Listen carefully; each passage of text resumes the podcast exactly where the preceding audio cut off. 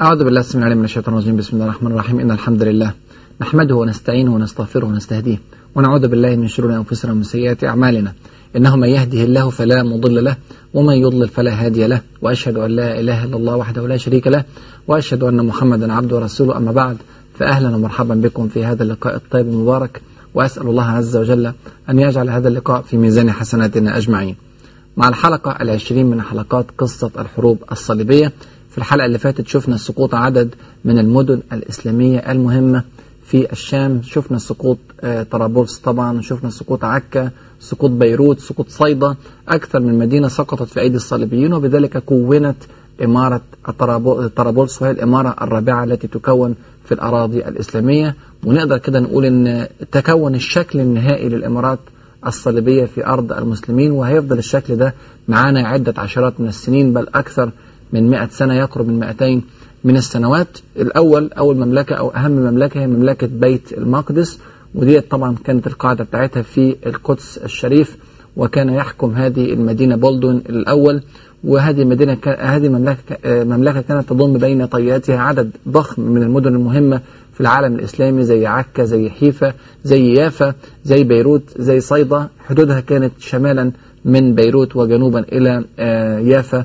وفي العمق إلى القدس وهتتوسع بعد كده وتاخد المناطق الجنوبية أيضا في فلسطين وتوصل لصحراء سيناء زي ما هنتكلم إن شاء الله في الحلقات القادمة.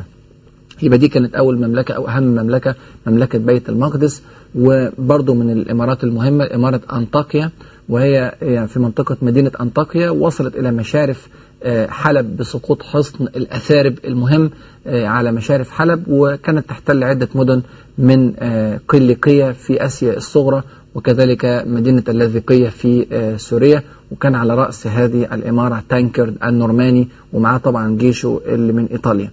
الإمارة الثالثة إمارة طرابلس وهي طبعا قاعدتها في طرابلس وكانت مقسمة بين برترام ابن ريمون الرابع وكان بيحكم طرابلس ومدينة جبيل في جنوب طرابلس ومقسمة بينها وبين ويليام جوردن اللي كان بيحكم مدينة طرطوس السورية في شمال طرابلس. لكن يعني قتل ويليام جوردن كما يقولون في ظروف غامضة لكن طبعا ليس مستبعدا أبدا أن يكون ابن ريمون الرابع هو الذي حض على قتله وبذلك وحدت إمارة طرابلس تحت قبضة برترام ابن ريمون الرابع.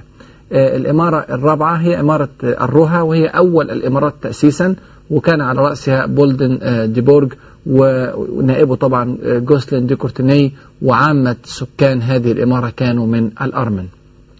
يبقى ده الوضع أو الشكل الأخير الذي وصلت إليه الإمارات الصليبية ومملكة بيت المقدس وهيفضل معنا زي ما قلنا عدة سنوات أو عدة عشرات من السنوات. أنا عارف ومتأكد أن عدد كبير جدا من المشاهدين محبط لأننا في الحلقة العشرين وشايفين أن عدد كبير جدا من المدن الإسلامية يتساقط وأن المقاومة الإسلامية إلى حد كبير ضعيفة وهذا يصيب المسلمين بالأسى ولعله يذكرهم بالواقع الذي يعيشه المسلمون الآن في واقعنا المعاصر وسقوط عدد كبير من المدن الإسلامية والبلاد الإسلامية والدول الإسلامية محتلة من غير المسلمين.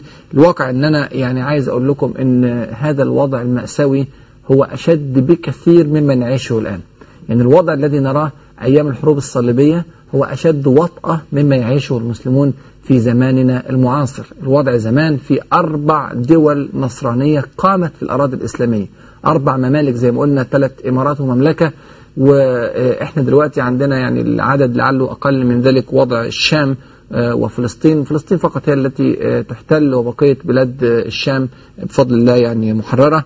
المذابح التي رأيناها في هذا الوقت كانت أشد ضراوة من المذابح التي نراها في زماننا الآن. كان طبيعي جدا نشوف في زمان الحروب الصليبية إن في سبعين ألف اتقتلوا في عشرين ألف اتقتلوا ثلاث ألاف. يعني أرقام كبيرة وكان يسحق شعوب كاملة لبعض. المدن زي ما شفنا اللي حصل في عكا وشفنا اللي حصل قبل كده في حيفا واللي حصل في طرابلس واللي حصل في بيروت.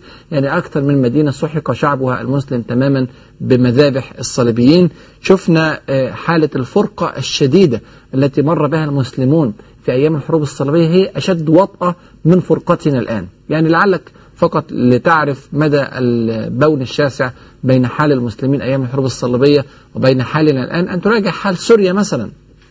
يعني سوريا في زمن الحروب الصليبية كانت مقسمة إلى عدة إمارات ودويلات وممالك منفصلة تماما انفصال عن بعضها البعض يعني حلب كانت إمارة دمشق كانت إمارة حمص إمارة حماة إمارة بنياس إمارة اللاذقية إمارة. تخيل كل هذا في داخل سوريا فقط. وكذلك إذا نظرت إلى حال لبنان هتلاقي أن الصيدا كانت إمارة وبيروت إمارة وطرابلس إمارة وجبيل إمارة. كل واحدة إمارة منفصلة عليها زعيم يحكمها ولها جيش خاص بها وسفراء ووزراء وشعب منفصل تماما انفصال عن الشعب الذي يجاوره. الفرقة هذه الشديدة طبعا أدت إلى المأساة التي رأيناها والفرقة هذه لا نراها بهذا الحجم وإن كنا نرى فرقة في زماننا المعاصر لكننا لا نراها بهذا الحجم الذي كان موجود في أيام الحروب الصليبية. شفنا برضو احتلال الحروب الصليبية قعد 200 سنة وطبعا دي فترة طويلة جدا واحتلال فلسطين يعني دلوقتي في زماننا دلوقتي حوالي 58 سنة أو 60 سنة. منذ سقوط فلسطين في احتلال في الاحتلال اليهودي. يعني ما زلنا يعني الفترة اللي إحنا بنعيشها في ظل الاحتلال أقل بكثير مما عاناه المسلمون قبل ذلك أنا بقول الكلام ده ليه؟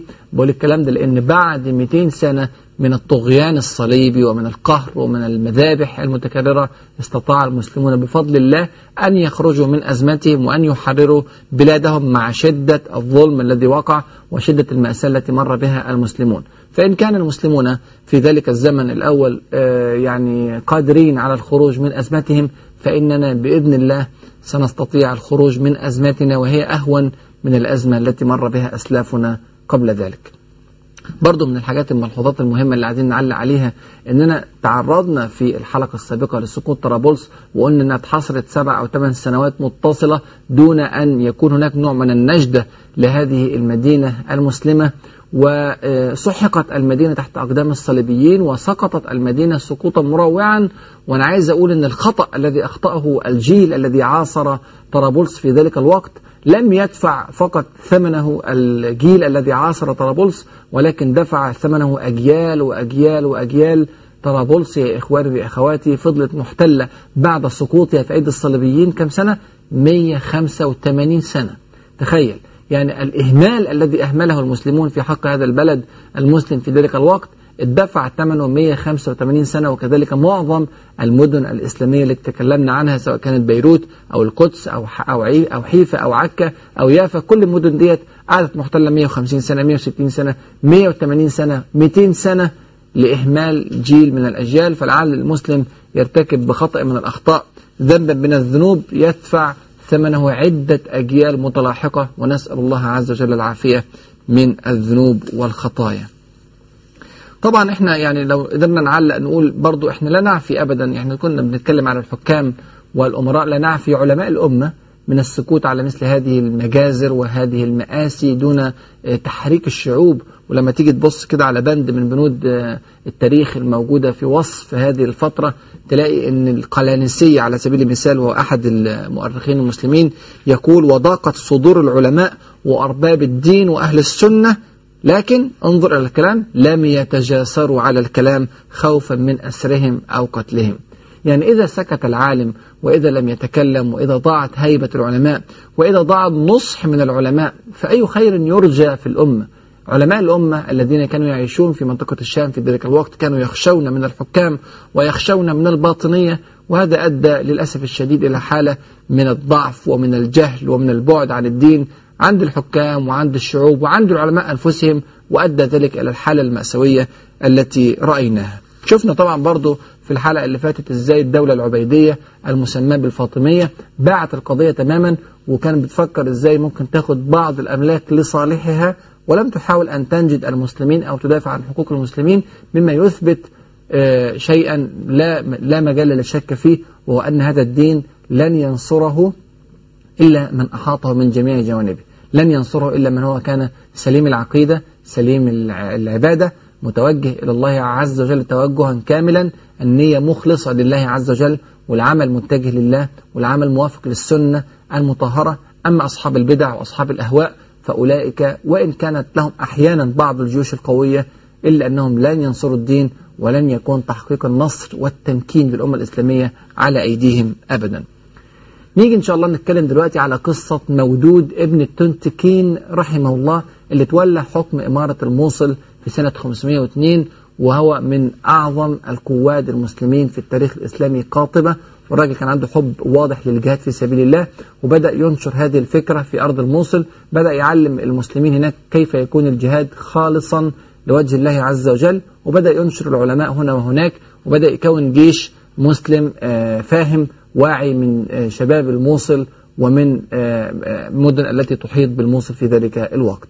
مش بس كده لا مولود بن التنتكين رحمه الله عمل شيء مهم جدا إن هو بدأ يوحد المسلمين في المنطقة وبدأ يراسل زعماء وأمراء المسلمين في أنه لا بد من الوحدة لمقاومة المد الصليبي والغزو الصليبي للبلاد الإسلامية. وبكده طبعا ديت خطوة من الخطوات الرائعة اللي ممكن إن شاء الله تكون بداية تغيير في وضع الأمة الإسلامية. لكن للأسف الشديد مودود ابن التنتكين كان عملاقا في زمان الأقزام.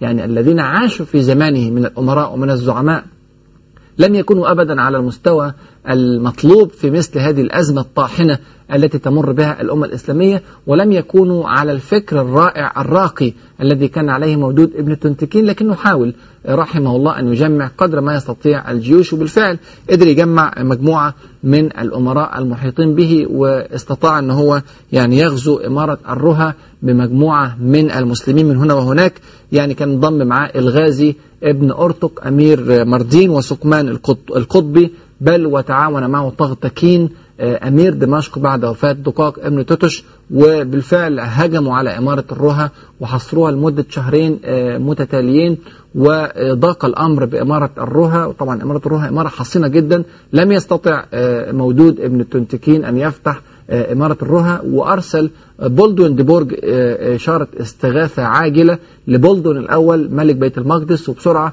أتى ملك بيت المقدس ومعه جيوش طرابلس. وطبعا تانكرد رفض إنه يجي مع الجيوش لأنه كان على خلاف مع جوسلين دي كورتيني ومع بولدن ديبورج لكن اللي وصل بولدوين الأول وبرترام ابن ريمون الرابع ولما شعر مودود ابن تنتكين بالجيوش الصليبية تأتي لمساعدة إمارة الروها انسحب بالجيش بتاعه إلى منطقة حران وهو طبعا بيحاول إنه يجذب الجيش الصليبي بعيد عن منطقة الرها ويجذبه إلى المنطقة التي انتصر فيها المسلمون قبل ذلك في موقعة حران بقيادة جاكرمش وسكمان والموضوع الموقعة اتكلمنا عليها قبل كده من حلقتين سابقتين وكانت موقعة فاصلة من المواقع الإسلامية المشهورة فحاول يسحبهم لنفس المنطقة وبالفعل بدأ الجيش الصليبي يعني ينسحب معه إلى منطقة حران لكن بولدون الأول اللي هو كان قبل كده بيحكم منطقة الرها عارف جغرافية المكان كويس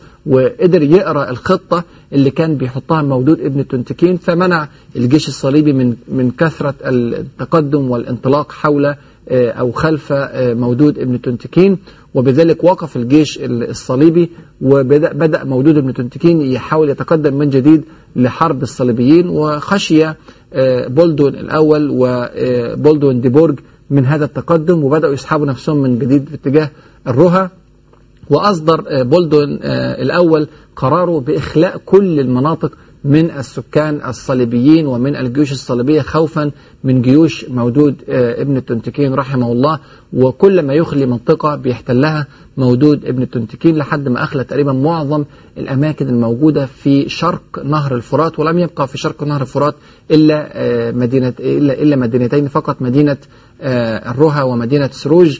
وطبعا دي كانت من المدن الحصينة جدا والمهمة جدا ما قدرش مودود ابن تنتكين إن هو يفتحهم. انسحب بولدوين الأول بالجيوش بتاعته لكن استطاع مودود أن يدرك مؤخرة الجيش الصليبي وأن ينتصر على مؤخرته وأن يقتل منها عددا من الصليبيين وأن يغنم عددا كبيرا من الغنائم والسلاح. وطبعا ده كان نصر رفع الروح المعنوية للمسلمين وإن لم يكن نصرا حاسما فاصلا. الشعوب الإسلامية هنا وهناك شعرت ان إن الأمل ما زال موجودا وإن في واحد بيتحرك باسم المسلمين ويجاهد الصليبيين في سبيل الله ولكن شعرت في نفس الوقت أنه يجاهد منفردا ووحيدا وأن المناصرة التي أتته من هنا وهناك هي مناصرة ضعيفة ليست على المستوى الأمثل وانتفضت الشعوب الإسلامية تنادي حكامها أن يناصروا وأن يساعدوا مودود رحمه الله في حروبه ضد الصليبيين. من الشعوب التي انتفضت وتحركت شعب حلب وحلب طبعا يعني يقودها رضوان ابن توتش ابن قلب أرسلان وهو رجل خبيث ورجل يتحالف مع الصليبيين ورجل بعيد كل البعد عن الشرع. فرفض طبعا هذه الدعوة تماما وقمعها قمعا شديدا فخرج مجموعة من علماء ومن فقهاء حلب متجهين إلى بغداد. وطبعا بغداد فيها الخليفة العباسي المستظهر بالله وهو زي ما قلنا كان مجرد صورة خليفة ما كانش ليه أي نوع من الأثر في حياة المسلمين وكان فيها في نفس الوقت السلطان محمد اللي هو أكبر قوة إسلامية في ذلك الوقت فاتجهت يعني المجموعة من الفقهاء والعلماء ومن أعيان حلب ومن شعب حلب إلى منطقة بغداد ليستثيروا الخليفة العباسي ويستثيروا السلطان محمد للدخول في حرب ضد الصليبيين حرب فاصلة ويساعده المودود في جهوده ضد الصليبيين.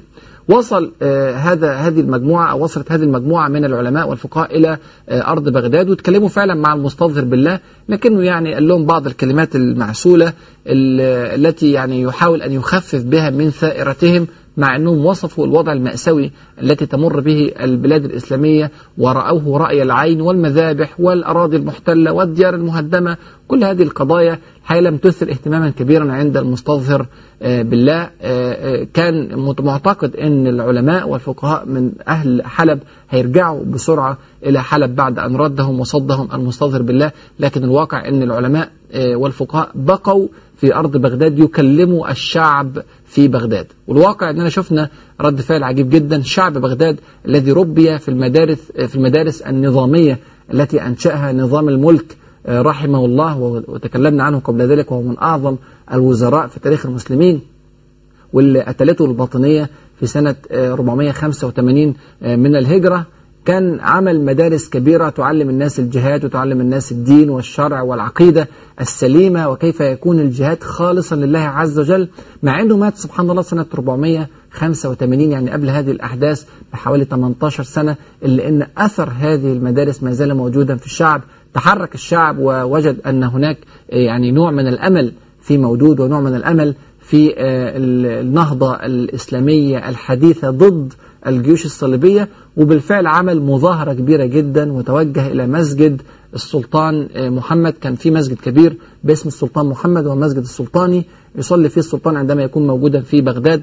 الوقت ده ما كانش السلطان موجود لكن كان موجود في أصفهان. لكن طبعا النائب بتاع السلطان كان موجود. توجهت المظاهرة بكاملها يوم الجمعة إلى هذا المسجد وتظاهروا في داخل المسجد لدرجة أن صلاة الجمعة لم تتم في ذلك الوقت من الصدام الذي حدث بين الجماهير الغاضبة وبين قوات الأمن التي كانت تحيط بمسجد السلطان محمد في ذلك الوقت. وطبعا وصلت الرسالة أن هذه الجماهير الغاضبة لن تهدأ إلا أن تقام حرب حقيقية ضد الجيوش الصليبية.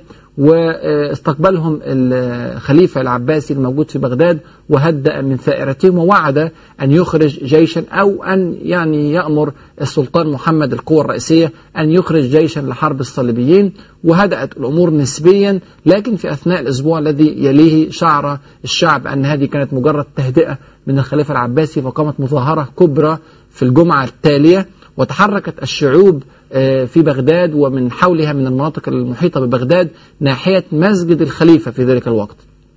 يعني المرة اللي فاتت كانوا متجهين ناحية مسجد السلطان محمد وما كانش موجود في البلد. المرة دي اتجهوا إلى مسجد الخليفة في يوم الجمعة أيضا في الجمعة التالية مباشرة وأيضا لم تقم الجمعة في ذلك اليوم من شدة الزحام وشدة المظاهرات والصدام الذي حدث بين قوات الأمن التي كانت تحاصر المسجد وبين الشعوب الغاضبة. وجد الخليفة العباسي أن الموضوع بجد وأن الكرسي بتاعه ممكن يهتز نتيجة هذه الثورة المتكررة من الشعب. فأرسل رسالة عاجلة للسلطان محمد بجدية الأمر وأنه لا بد أن يخرج جيش لنصرة المسلمين في أرض الشام. وبالفعل استجاب السلطان محمد وبدأ يجهز يجهز بعض الجيوش وجعل على رأس هذه الجيوش ابنه كان اسمه الملك مسعود وجعل طبعا على القيادة الحقيقية للجيش. الملك مسعود كان مجرد صورة في الجيش صورة شرفية لأهمية هذا الجيش لكن جعل على رأس الجيوش مودود ابن التنتكين الأمير المجاهد الحقيقي اللي هو كان أمير منطقة الموصل وبدأت تتجمع جيوش من هنا وهناك. إحنا زي ما قلنا أن الأمير مودود هو بس اللي في القضية ديت الذي يقاتل في سبيل الله ومعظم الأمراء الذين جمعوا معه كانوا يقاتلون لأنه هناك أوامر من السلطات الأعلى لهم بالتوجه للقتال أو أنهم يطمعون في بعض الغنائم أو بعض الثروات أو بعض المناصب أو بعض الأملاك في البلاد التي تحرر. يعني ما كانش عندهم النية خالصة كما كانت موجودة عند الأمير مودود لكن على كل حال تجمعت جيوش إسلامية كبرى. تجمع مع المودود ابن تنتكين إياز ابن الغازي ابن أرطق أمير مردين وتجمع معه أيضا برسق أمير همذان في منطقة فارس وجاء أيضا الأمير أحمد أحمديل الكردي وهو أمير مراغة في أذربيجان وأتى أيضا أبو الهيجاء أمير إربل في العراق. يعني مجموعة من عدة أمراء وعدة جيوش إسلامية ودي أول مرة تقريبا تجاهد هذه الجيوش في سبيل الله أو في يعني موقعه ضد الصليبيين وخرجوا بالفعل مع مودود ابن التنتكين رحمه الله ووصلوا إلى إمارة الرها وحاصروا إمارة الرها شهرين كاملين وطبعا نظرا لكثافة الجيوش الإسلامية خشي بولدنبورغ أن يخرج لهم في حرب فاصلة أرسل رسالة استغاثة لكن الجيوش كانت مصرة على الحصار وعلى القتال. لكن في النهاية وجد مودود ابن تنتكين أن مهما قعد فإمارة الرها إمارة حصينة جدا وصعب أنه يفتحها فترك الإمارة واتجه إلى إمارة تل باشر وهي الإمارة التالية مباشرة أو المدينة التالية مباشرة في إمارة الرها وكانت تحت حكم جوسلين دي كورتيني وحاصر الإمارة فعلا 45 يوم متصلة في نهاية هذه ال 45 يوم جوسلين دي كورتيني اللي هو أمير تل باشر والرجل الثاني في إمارة الرها وجد أن الأزمة شديدة جدا وأنه عنده نوع من الشعور أن المدينة ستسقط إن طال الحصار عن هذا عن هذه المدة فأراد أن يفتح الحصار بحيلة فعرف أنه يتواصل مع أحمديل الكردي اللي هو كان أمير مراغة الأذربيجانية وكان أحد القواد المسلمين في جيش مودود. تواصل معه سرا ووعده ببعض الأموال وبعض الإقطاعيات إن استطاع أن يقنع الجيش المسلم بالتخلي عن حصار تل باشر والانتقال إلى مكان آخر. في الوقت ده وصلت رسالتين استغاثة من الشام. رسالة من رضوان ابن توتش هذا الرجل الخبيث الظالم. وصلت منه رسالة أن تنكرد يعني يحاصر مدينة حلب ويحاول أن يسقط المدينة لصالحه. بعد أن سيطر على حصن الأثارب المهم المطل على حلب وصلت رسالة استغاثة تانية من سلطان ابن منقذ أمير شيزر وشيزر برضو ديت أحد الإمارات الموجودة في منطقة سوريا في منطقة الشام. فالأمير مودود ابن تنتكين ما عادش عارف يعمل إيه يا ترى يظل على الحصار لتل باشر ولا يروح ينجد المدينتين المسلمتين لأن كل مدينة منهم إذا سقطت هتزيد المشكلة التي يقع فيها المسلمون. أحمديل اللي هو الكردي أمير مراغة لقى الفرصة مناسبة وبدأ يتواصل يعني يتواصل مع الأمراء الآخرين في جيش مودود بن تنتكين يقنعهم أنهم يتوجهوا إلى منطقة رضوان أو إلى منطقة شيزر منطقة سلطان بن منقذ ليرفعوا الحصار عن تل باشر. طبعا هو نواياه أن يرفع الحصار لأنه تعاون مع جوسلين دي كورتيني لكن الأمير مودود ما كانش فعلا عارف ياخد القرار المناسب في مثل هذه الظروف المعقدة لكن لما لقى اجتماع الأمراء والزعماء في ذلك الوقت على الانتقال إلى منطقة الشام وافق ورفع الحصار عن تل باشر وبذلك أنقذت مدينة تل باشر بفضل الخيانة التي قام بها أحمديل والنصيحة الفاسدة التي قدمها لمودود ابن تنتكين وخد مودود ابن ابن التنتكين الجيوش بتاعته وتوجه ناحية حلب وعند حلب حدثت مفاجأة كبرى هزت الجيش الإسلامي. ترى ما هي هذه المفاجأة؟ التي حدثت في حلب وما هو موقف رضوان ابن توتش وما هو موقف مودود ابن التنتكين وإلى أي شيء وصلت المعركة التي ستدور حول حلب. أسأل الله عز وجل أن يفقهنا في سننه وأن يعلمنا ما ينفعنا وأن ينفعنا بما علمنا إنه ولي ذلك والقادر عليه. والسلام عليكم ورحمة الله وبركاته.